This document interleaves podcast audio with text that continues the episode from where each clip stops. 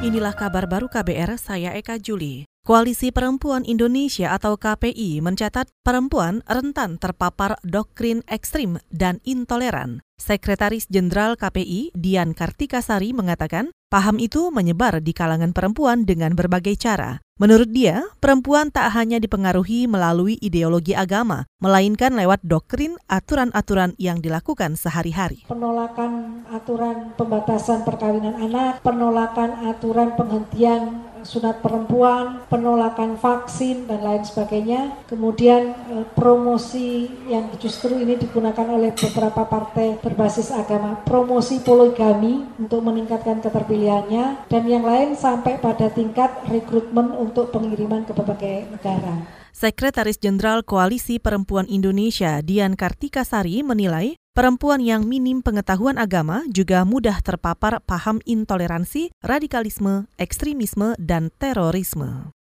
Kita ke soal pertanian. Serikat Petani Indonesia atau SPI mempertanyakan keputusan pemerintah mengurangi kuota pupuk bersubsidi. Ketua Umum SPI Hendri Saragih mengatakan, pemerintah harusnya lebih dulu merinci validitas data luas lahan dan kebutuhan petani terhadap pupuk subsidi di daerah. Pernyataan Saragih itu merujuk pada janji Menteri Pertanian Syahrul Yassin Limpo yang akan menyelesaikan data tunggal mengenai luas pertanian dalam 100 hari kerja usai dilantik. Ya, bisa saja konsekuensinya nanti banyak petani yang eh, tidak menerima ataupun memang juga masih pupuk itu berlebih kan jatuh ke pihak yang lain kalau memang toh juga jumlah pupuk subsidi yang dialokasikan ini berlebih. Ketua Umum Serikat Petani Indonesia Henry Saragih menambahkan, kelangkaan pupuk juga bisa berdampak pada naiknya harga jual gabah hingga beras sebab para petani tetap akan mencari pupuk kimia meski harganya lebih mahal atau bahkan mencari pupuk non subsidi. Itu dikarenakan ketergantungan petani akan pupuk kimia masih cukup tinggi. Menurut Henry, petani belum siap beralih ke pupuk organik karena hasil pertanian pupuk organik tidak sebagus pupuk subsidi.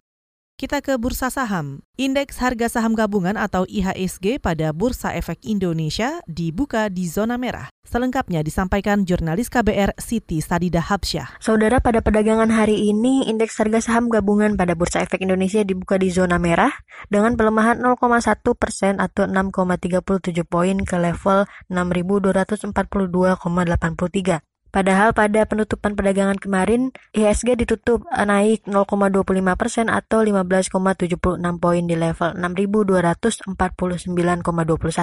Mengutip dari Okezone, IHSG diprediksi akan bergerak di bawah batas atas level 6.250.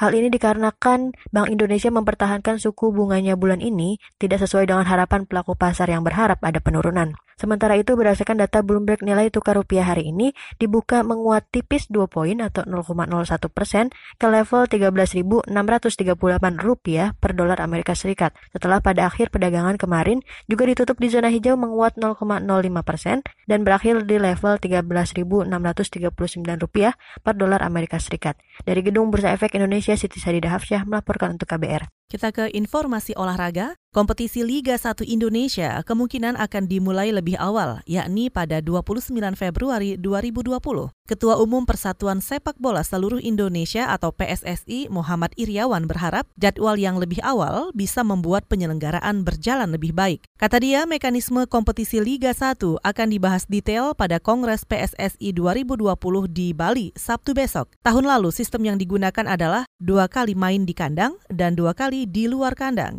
Bali United menjadi juara dengan 64 poin, sedangkan Persebaya di peringkat kedua. Saudara demikian kabar baru, saya Eka Juli.